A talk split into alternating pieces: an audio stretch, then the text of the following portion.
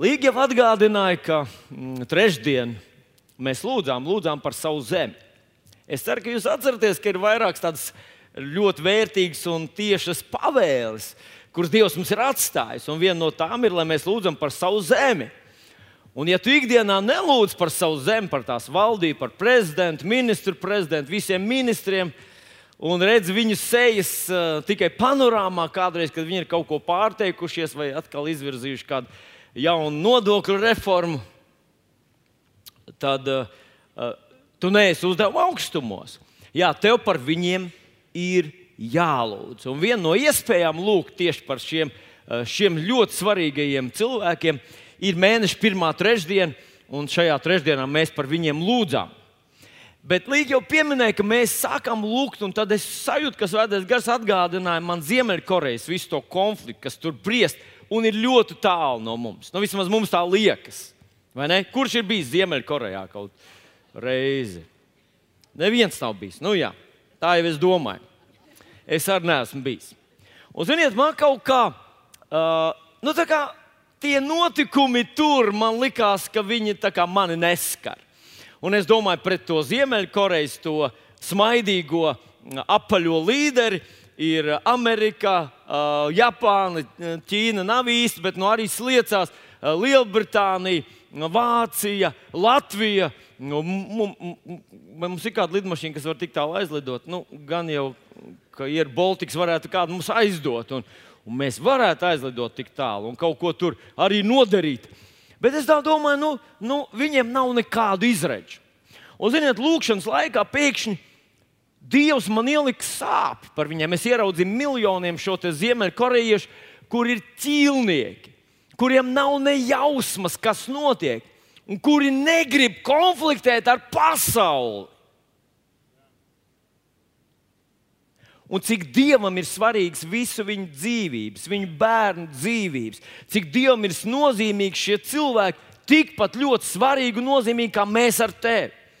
Un kad man ir tāds sajūta, ka Dievs uzliek man šo nastu lūgt par viņiem tur, es teicu, Dievs, bet vai tad, nu, tā pie sevis domāju, mums tepat pie robežām tūlīt būs mācības Baltkrievijā un, un, un Zapad 2017 notiks, vai ne? NATO mēs gatavojamies. Nu, ka tūlīt būs tie. Un ne bez, ne bez nu, iemesla tas ir. Jo vienā no tādām mācībām, mm, neatceros, laikam 2009. gadā, laikam viņi iegāja Grūzijā, Krievijas armija. Un, un tad vienā no tādām mācībām viņi arī iegāja Ukrajinā, Krimā. Tā kā tie cilvēki, kas saka, ka ir kaut kāda bīstamība, viņi nav pavisam, pavisam nu, bez loģikas. Tur ir kaut kāda loģika. Bet, un tad es Dievam saku, nu, pagaidi, mums te jālūdz par sevi, lai mūsu Dievs pasargā, lai viņi te neiebrauc. Un es sapratu, ka tas kungs saka, bet tev jāatbild arī par Ziemeļkoreju. Tā ir, tā ir tava atbildība, tā Ziemeļkoreja. Un es domāju, man atbildība ir tur, kur es dzīvoju, lai man virsū nekrīt, un maniem bērniem un mazbērniem nekrīt virsū bumbas. Bet kā jūs, jūs piekrītat Dievam, ka mēs esam atbildīgi? Nu, es tagad paplašina to atbildību, ka mēs esam atbildīgi par Ziemeļkoreju un to konfliktu, kas ir tur. Kad tu lūdz pēdējo reizi par Ziemeļkoreju un visu to konfliktu? No, paldies jums, trešdien, jā, tas bija jau iepriekšējā nedēļā malači. Bet paklausieties, mīļie draugi. Pa, ja mēs tā paskatāmies, ko tad Bībele saka, nu tā, tā, tā neiedziļinoties niansēs, tā lielos vilcienos. Nu, piemēram, Mata evanģelijas 5. nodaļa, es lasu no 13. pānta. Vienkārši paklausies, tu zini tos pantus no galvas. Jūs esat zemes sēls, jūs esat pasaules gaišums, tu zemes sāls. Es runāju, šo, šobrīd iedomājos, ka tu esi viens pats zālē, es runāju tieši uz tevi. Dievs ir dāvinājis man vārdu, lai es uzrunāju tevi. Tu esi zemes sāls, tu esi pasaules gaišums. Tālāk viņš saka, kas, kad es iededzināju sveci, un viņš saka, neviens, kas iededzina sveci, neliek to zem, būr, zem pūra vai zem gultas, bet liek to lukturī. Un viņš saka, tā, lai tā spīd ļaužu priekšā, lai tā spīd visiem, kas ir namā. Tāpat, lai jūsu gaisma spīd visiem ļaudīm, ka tie ieraudzīja jūsu labos darbus un godā jūs tēvu, kas ir debesīs. tu esi zemes sāls, tu esi pasaules gaisma, tu esi darīts par ķēnišķīgu priesteru atklāsmes grāmatā rakstīts. Tu esi tas, kam jādara par mācekļiem visas tautas. Kurš ir atbildīgs par pasauli? Kurš ir tas, kura gaismai jāspīd visiem? Kurš ir tas, kura labos darbus visiem ir jāredz, un tiem ir jāgodā mūsu debesu Tēvs debesīs? Kurš tas ir? Jūs zināt, kaut kad man likās, ka nu, Dievs ir debesīs, Viņš valda, Viņš sēž tronī, man tur nav ko iespringt daudz. Ko tad es tur daudz varu izdarīt? Es esmu mazais vilnītis, dzīvoju neievērojumu dzīvi. Prezidents man nekad nezvana, neprasa padomus. Es atceros, vienreiz gan nospēlēt tādu triku. Paņēma vienkārši telefonu un teica, Raini, nu, ko tu atkal gribi zināt? Nu, tur apkārt bija cilvēki. Ko? Vai tev braukt tur? Nu, pajokoja. Man neviens neprasa neko. Ministra prezidents man nezvana. Ārlietu ministrs pat neprasa, ko darīt ar saviem tiem grūtiem jautājumiem. Es nevaru ietekmēt lietas. Tā man liekas. Bet te ir rakstīts, tu esi zemes sāls un tu esi pasaules gaisa. Tu esi tas, kam jādara par mācekļiem. Starp citu, mīļie draugi, atcerieties šo te vārdu un pavēli, kas, ko Dievs ir devis man, un tikpat ļoti un tieši nepastarpināti Viņš ir devis arī tev. Tev ir jādara par mācekļiem cilvēki. Tev jādara par mācekļiem. Un es noklausījos gan neklātienē Līgas dievkalpojumu, kurš te bija kādu laiku atpakaļ. Es neatceros, kāds bija nosaukums viņam. Bet, kad viņi pastāstīja par tiem cilvēkiem, kas nav padevušies, bet ir sasnieguši vienkārši neiedomājamas lietas, man tas uzrunāja. Un es domāju, tad viņi sāk teikt tos ciprus, ja mēs katrs viena gada laikā vienu cilvēku pievestu Kristum. Ja Latvijas kristieši tā vietā, lai aizstāvētu savus baznīcas, aizstāvētu savus ērģeles un jumtus, un šeit es runāju arī par mums ar tevi. Ja mēs visi viena gada laikā būtu vienu cilvēku pievaduši pie Kunga Jēzus Kristus, padarījuši viņu par īstu kristumu, ticīgu mācekli, Latvijā būtu ar uguni jāmeklē neticīgie. Jo visi būtu kristieši. Mums būtu vakums, mums būtu deficīts, neticīgi cilvēki. Bet kaut kā mēs uz to nekoncentrējamies. Mēs kaut kā to saprotam tādā vispārīgā, tādā pārnestā vēlmju nozīmē.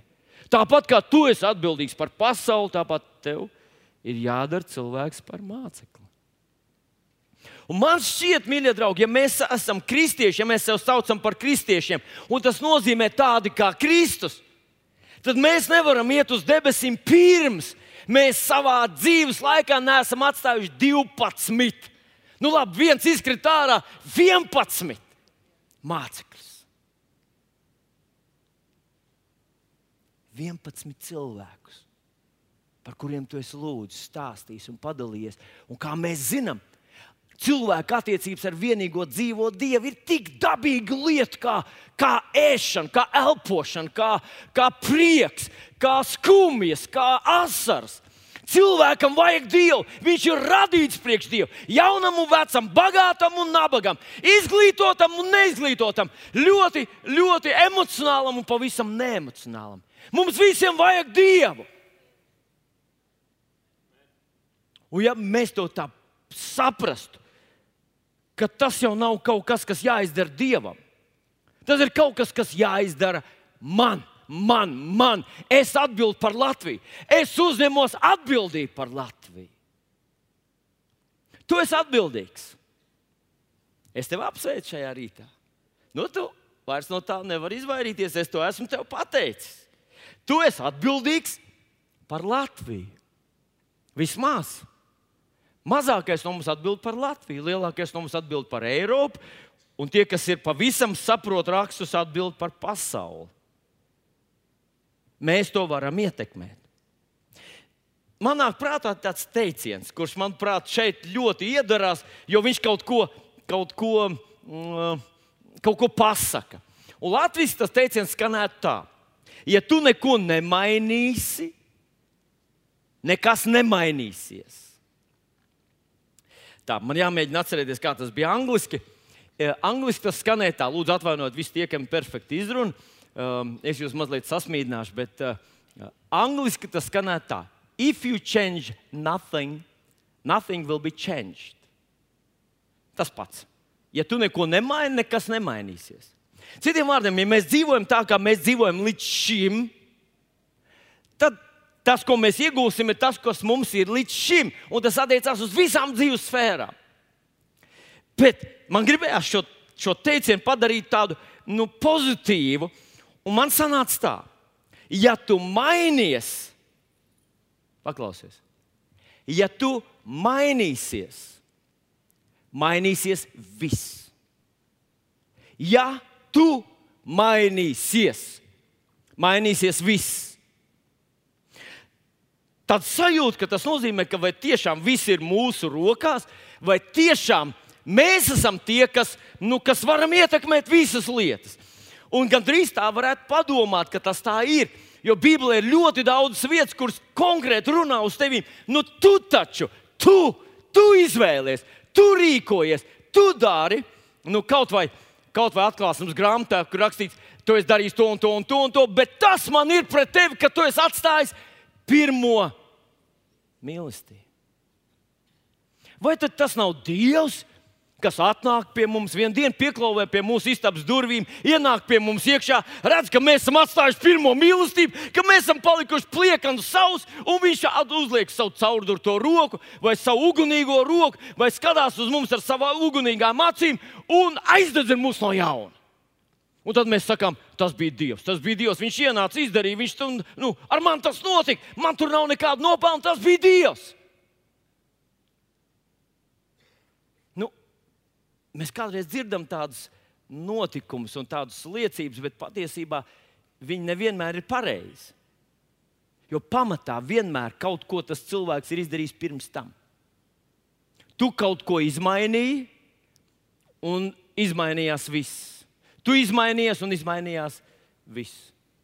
Un šeit ir divas raksturvietiņas, kuras gribu atgādināt jums, un viņas, mēs viņas ļoti labi zinām. Tā ir 5. mūža grāmata, 30. nodaļā, kur rakstīts, es šodien piesaucu debesis un zemi kā liecinieks pret jums. Es lieku jūs priekšā dzīvību un nāvi, svētību un lāstu. Izvēlieties dzīvību, kad dzīvotu gan tu, gan tavi pēcnācēji.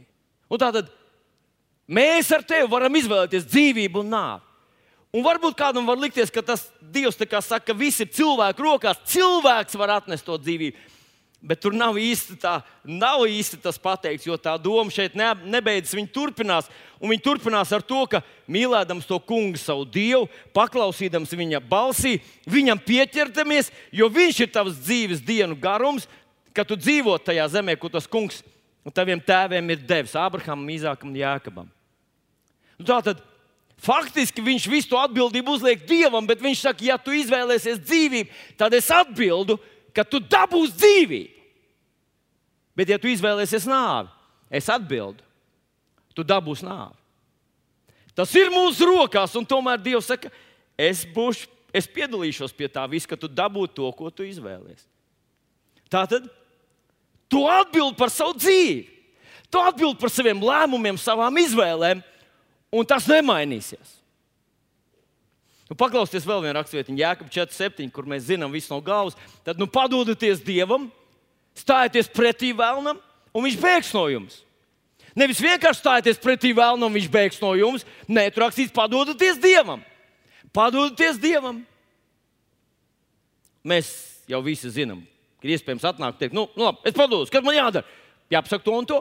Nē, padoties Dievam, tā ir Tā ir dzīve. Es padodos Dievam un stāvu pretī vēlnam. Tās ir divas lietas, kuras es daru jebkuros laika apstākļos. Vienalga, kā es jūtos, es padodos Dievam un stāvu pretī vēlnam. Un tad viņš bēg no mums.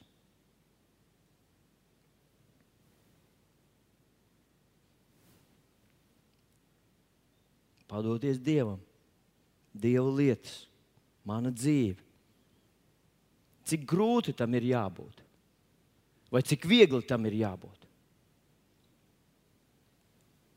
Cik viegli ir jābūt tam, ka es padodos Dievam, daru to, par ko es atbildu, daru to, kas ir mana atbildība. Es uzņemos par to atbildību, es pieņemu lēmumu padoties Dievam, es pieņemu lēmumu izvēlēties dzīvību, cik viegli vai grūti tam ir jābūt. Un es pieņemu, ka varbūt Jēzus dzīvē mēs to īsti neredzam. Mēs tikai lasām ebreju vēstulītē, piemēram, ka savā miesas dienās viņš ir stipru balss, tātad viņš ir kliedzis uz debesīm. Ar daudz asarām viņš raidījis karstu, daudz karstu lūgšanu pie tā, kas viņu varēja izglābt no nāves. Un ir ticis atpestīts no bailēm. Tā ir uzrakstīts tieši mūsu Bībelītē. Viņš ir raidījis daudz karstu lūgšanu. Jēzus, kurš bija perfekts, tā ziņā, lai padotos Dievam un stāvēt pretī vēlnam, kurš bija perfekts savā aicinājumā, ir raidījis daudz karstu lūkšanu. Un, kad es tā skatos uz Jēzus dzīvi un viņa kalpošanu, es neredzu tur vieglas dienas. Viņam, viņš bija vētrā. Nebija tā, ka viņš bija uz jūras, tad vētra nekad nebija. Tur, kur jēzus ir, tur nav vētras. Nē, bija vētra. Un tā vētra plosījās tāpēc, lai viņu noslīcinātu. Viņš uzvarēja vētru. Vienreiz 3000, otrreiz 5000 izsalkuši cilvēki, kas atnāca pie viņa, viņa klausīties. Un nu ir pagājis laiks, vairākas dienas, un viņi ir izsalkuši, izbadējušies, dusmīgi. Visi, un viņi var nonīkt, kā mācekļi kādā vietiņā saka. Tas viss ir grūtības. Nerunājot par farizēju naidu, par spiegiem, kas viņu mēģināja ķert, par mācekļu nesaprātību, par nācerēts viņa dzimto pilsētu, kur viņi izgrūda ārā un gribēja nostumt no, no klīnas, lai nogalinātu. Viņa kalpošana nebija viegla. Un tomēr varbūt kādreiz mēs nemaz neieraugam, cik ļoti sarežģīta viņa kalpošana ir bijusi. Nu, tad es gribu uh, palasīt citātiņu no viena ļoti, ļoti priekšzīmīga, ļoti spilgta un stipra kalpotāja dzīves. Un es iedomājos, ka tā varētu izskatīties arī tava dzīve. Nu, viņas, viņas beigu posmā, kad tu dod atskaitīt. Paldies, Dārvid! Un paklausieties 2. korintiešiem 11. nodaļa 23, 28. Apstults Pāvils saka par savu dzīvi, kad viņš padevās Dievam, darīja to, ko Dievs no viņa sagaidīja. Paklausieties, kā, ties, kā tas skan. Tie ir Kristus kalpi. Es runāju neprātā, es vēl vairāk. Daudz vairāk darbā, daudz vairāk cietumos, bez mēra sitienus ciestams, bieži nāves briesmās No jūdiem esmu dabūjis 5 reizes 40 sitienus, bez viena. Trīs reizes dabūju rīkstus, vienreiz man mētāja akmeņiem, trīs reizes biju ūdens briesmās, visu dienu un nakti jūras viļņu varā. Bieži biju ceļojumos, ūdens briesmās, laupītāju briesmās, briesmās savu ļaužu vidū, briesmās pagānu vidū, briesmās pilsētā, briesmās tūkstnesī, briesmās uz jūras, briesmās viltus brāļu starpā, darbā un pūlēs, daudzās bezmiega naktīs, izsalkumā, slāpēs, daudzreiz badā, salā un kailumā. Bez tam, bez tam vēl vispārējais ļaužu pieplūdums, ikdienas rūpes par visām draudzēm. Ziniet, es tā pie sevis kādreiz esmu domājis, ko es izvēlētos. Ja es varētu izvēlēties divas lietas no tā, ko Pāvils piedzīvoja, ko es izvēlētos. Ko tu izvēlētos? Vai tu gribi, lai es vēlreiz nolasu visu sarakstu? Tad bez mēra sitienus ciestams, bieži nāves briesmās. No jūdiem esmu dabūjis 5 reizes 40 sitienu bez viena. Vai tu gribētu vienreiz 39 sitienus ar koku? Nē, nē, 40 tas nav spriedums, to nē, bet 39 tikai. Vai man, man izbiedēja, re, kā, re, kā viņš saka, ka es biju nakti un dienu jūras viļņu valā, varā. Man tas izbiedēja gandrīz vairāk nekā tās nūjas, lai gan nūjas var būt briesmīgi. Visu dienu un nakti es biju jūras viļņu varā. Man vienreiz man mētāja akmeņiem, cilvēki domāja, ka viņš ir miris. Trīs reizes dabūja rīkstus. Pagaidiet, kur tad Dievs bija tajā visā? Vai tad Dievs tev neglāba? Man liekas, ka ja es būtu iekritis ūdenī un būtu nakti un dienu jūras viļņu varā, es būtu dabūjis tādu psiholoģisku traumu, ka es būtu teicis, kungs, es savu esmu misiju izpildījis. Es vairs nekur nevaru iet. Man ir tāds nu, psiholoģisks barjeras, ka nu, nu, viss, nu tagad sūta kādu citu, kurš labi pelna. Bet tā doma, saprotiet, mīļie draugi, ko es šodien cenšos pateikt, tā doma, ka Dievs tev sūtīja uzdevumā, un tajā uzdevumā, kur tu gāji, tāpēc, ka Dievs tev sūtīja, tāpēc, ka tu gribēji viņam paklausīt, tāpēc, ka tev ir dārgs viņa aicinājums, tāpēc, ka tu uzņēmies atbildību. Tu uzņēmi, tā ir tava atbilde. Dievs tev dod šo situāciju. Pasaule ir jāglābj, un tā ir tava atbilde. Un dodoties šajā ceļojumā, šajā darba misijā, tas nav viss eņģeļi, eņģeļi dzied un, un, un ūdens pašķirās, un, un viss tev ar labvēlību uztver. Un viss tev padodas, un viss ir jauki, un visi slavē, kāds Dieva spēks tev pavada, un kādas dziedināšanas viņi saņēmuši caur tevi. Nav nekā no tā. Tur rakstīts, trīs reizes dabūju sitienus, 39 tikai. Vienreiz man mētā akmeņiem, visu dienu un nakti jūras viļņu varā, badā, laupītāja briesmās, augstumā, kailumā, izsalkumā, slāpēs un tā tālāk.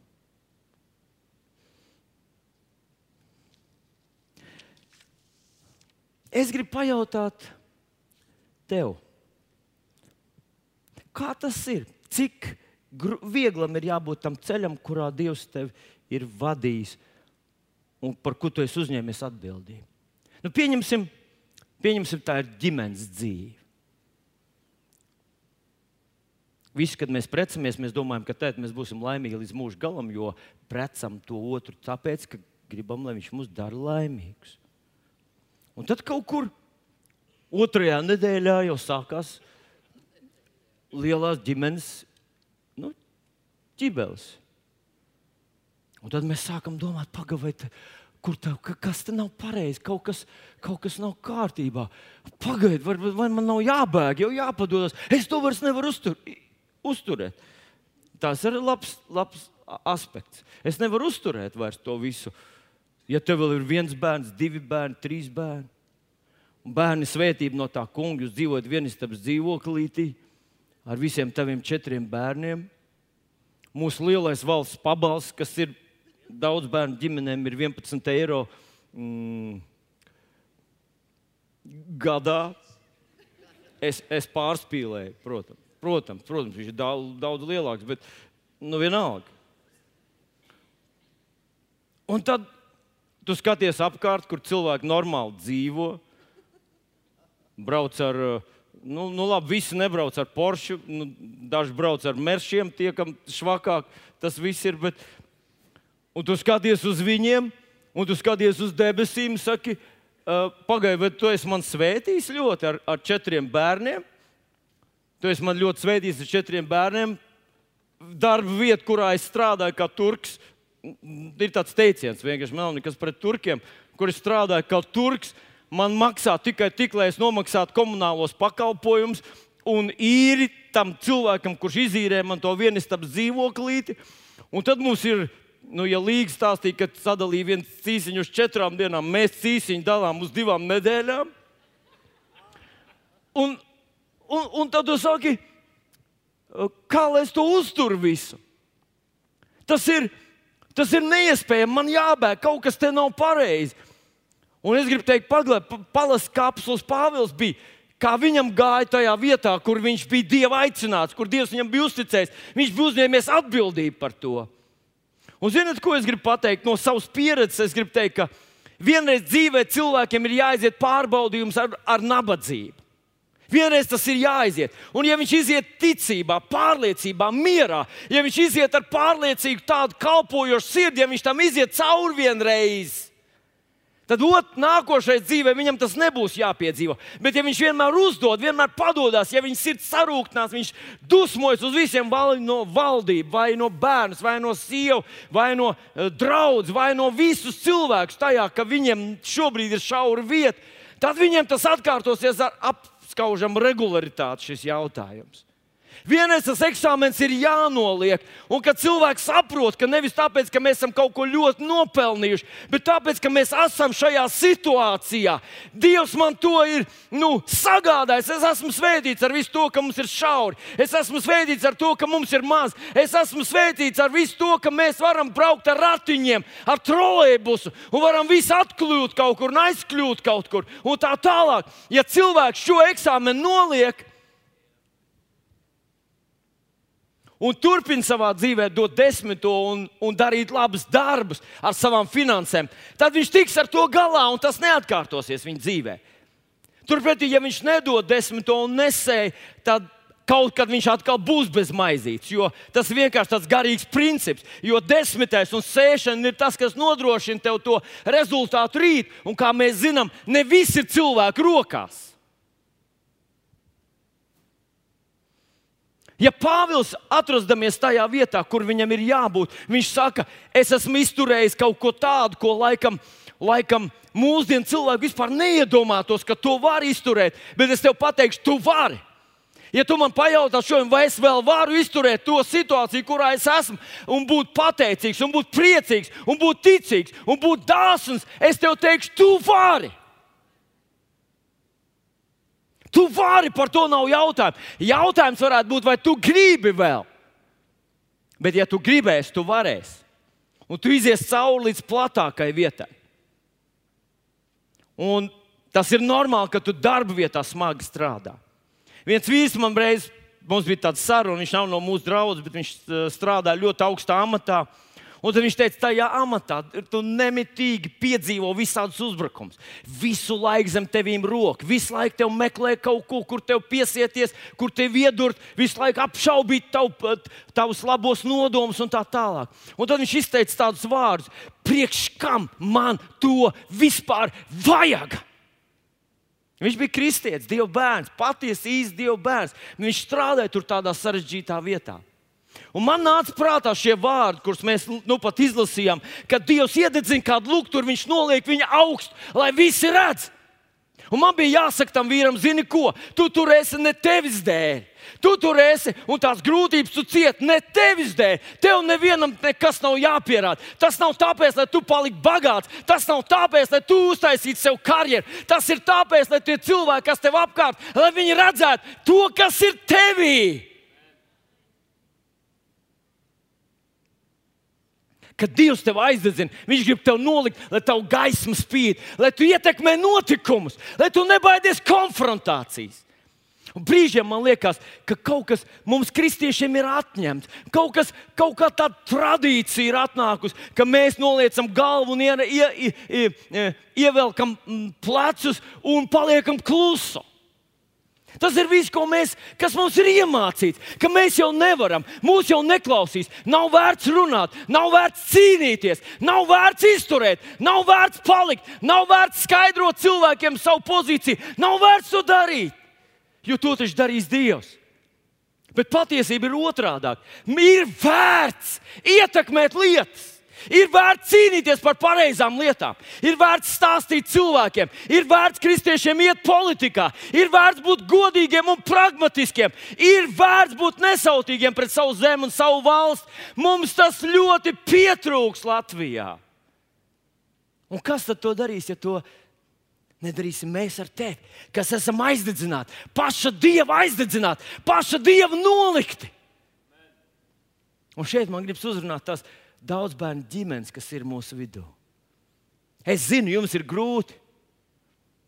Es zinu, naudas vienmēr pietrūkst. Bet es jums pateikšu, kā ir. Jo vairāk ir naudas, jo vairāk viņas pietrūkst. Jā, tā tas ir. Jo lielāka ir izdevuma, jo lielāks ir iespējas, jo vairāk vajag, lai tu varētu noturēties tur, kur tu esi. Un kamēr tev ir maz ienākumu, uztur, lai tev ir maz izdevumi un tici Dievam. Tici Dievam. Tici Dievam, esi dāsns. Viņš var darīt brīnumus, tādus brīnumus, tie nenotiek regulāri, un dažreiz tie notiek regulāri. Mēs redzam, eh, tūkstnesī Dievs ēdināja savu tautu 40 gadus. Manna katru rītu izkrīt. 40 gadus. Es varu pateikt, mīļie draugi, ka mūs ir regulāri, mani regulāri svētījuši cilvēki, kur vārdus es nezinu. Tas ir apbrīnojami. Tas ir, ziniet, kaut kas tāds, tiešām kā Līga pieminēja. Tas ir kaut kas, ka tu stāv Dievu priekšā un saki, Dievs, es zinu, ir viens, uz ko var paļauties. Un tad tu paļaujies uz viņu. Un tad tu ej tālāk, nevis skatīties apkārt, kurš man dos, bet skatīties uz debesīm, teikt, es zinu, es zinu, es zinu, tavās rokās ir visi ceļi. Un viņš tiešām viņus atver tev. Paklausieties, tēti un mammas, nebeidziet uz Angliju. Izturiet šeit. Varbūt, ka uz jums skatās kādi, kad jūs esat starp tādiem pašiem nekurniet par valdību. Nestāstiet, cik šausmīgi, cik grūti, cik slikti un skopi ir darba devēji. Nedariet to! Sakiet, ka jūs esat svētīti, sakiet, ka jūs bērni izaugs talantīgi, sakiet, ka jūs iziesiet cauri šai šaurai vietai, un tad būs pļauja. Un kad jūs pļausiet, tad būs tā, ka jūs piebāzīsiet visus savus apcirkņus, un tie būs pilni. Izturiet pārbaudījumu!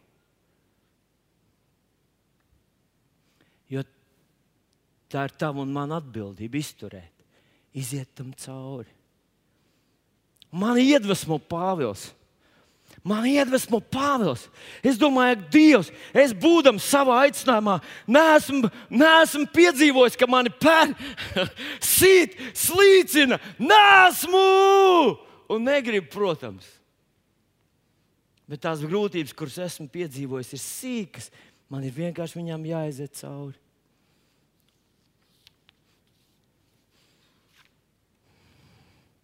Galatiešu vēstulīte 6,9. Tad nu nepiekusīsim labu darīdam, jo savā laikā mēs pļausim. Mūsu atbildība ir nepiekust. Dieva atbildība ir savā laikā mēs pļausim. Tā ir tava un mana atbildība cilvēkam parādīt Kristu. Tā ir tava un mana atbildība lai mūsu gaisma spīd cilvēkiem grūtos brīžos, šauros brīžos, smagos brīžos. Tā ir tava un mana atbildība būt par liecību šai pasaulē. Jo mēs ar tevi esam pasaules gaisma un zemes sāls. Un tas nebūs viegli. Nav neviena apsolījuma, kur rakstīts, ka tev būs viegli bet viņš teica, ka viņš būs ar mums līdz galam. Un es nobeigšu ar raksturvietiņu, ko mēs visi zinām. Tā ir no Jēkabas vēstules, pirmās nodaļas, otrais, trešais pants. Turiet man, brāļi, to par lielu prieku, ka jūs krītat dažādos pārbaudīšanās, zinādam, ka jūs ticības pārbaudīšana sagādā izturību. Bet izturība, lai parādās darbā līdz galam, ka jūs būtu pilnīgi caur caurim un jums nebūtu nekāda trūkuma. Tas nozīmē, ka tad, kad tavā dzīves posmā ir grūts brīdis, to visiem vajadzētu pamanīt, ka tu esi priecīgs. Tikai tā tu vari viņam iziet cauri, ka tu esi pateicīgs, ka tu runā labas lietas. Jākap šeit nesaka, ka Dievs sūta šos smagos brīžus tavā dzīvē. Dievs to nedara. Un patiesībā tie smagie brīži nāk tāpēc, lai tevi nogalinātu. Nav nekādu ilūziju par vēlnu nodomiem. Viņa nodoms ir viens - tevi pievilt un pēc tam iznīcināt. Iznīcināt vispirms tevi kā kristieti, kā ticības cilvēku, kā cilvēku, kurš saka, ar manīm ir Dievs, un es zinu, viņš man nepametīs dienu un nakti. Paklausieties, Pāvils cīnījās dienu un nakti jūras viļņu varā. Tur kādam varēja cerība zust, teikt, nav vērts cīnīties. Es esmu nosaucis, izmisis. Es vairs nevaru. Un vienkārši padoties un noslīgt. Bet Pāvils saka, ar maniem ir Dievs.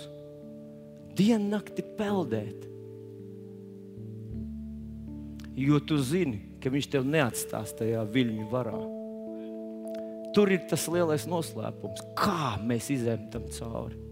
Ienaidnieks gribēja Pāvilu iznīcināt, bet Pāvils teica, viņš man ir izrauts no katra ļaunu darbu.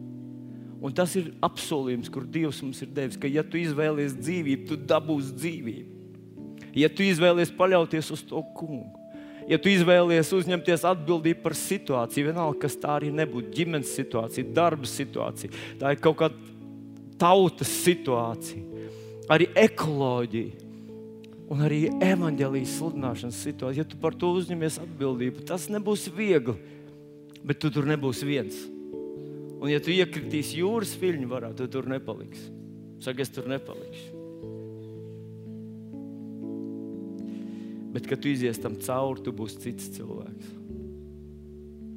Tas lielākais iegūms pat kādreiz ir tas, par kādu cilvēku tu kļūsi, kad tu izai cauri pārbaudījumam. Kā es ilgojos? Mēs visi ilgojamies tieši pēc tādiem cilvēkiem, kas ir izgājuši pārbaudījumiem cauri. Viņi ir mierīgi, viņi ir laipni, viņi ir dāsni, viņi ir lēmprātīgi. Ja tu viņam iesitīs, viņš ilgi domās, ko darīt. Wow! Kas par cilvēkiem, ko? Kas par viņu domā, kā atbildēt? Viņi sapratīs no Dieva, kā atbildēt, un tad atbildēs. Un, ja vajadzēs sist, es droši. Tu dabūsi savu dunku.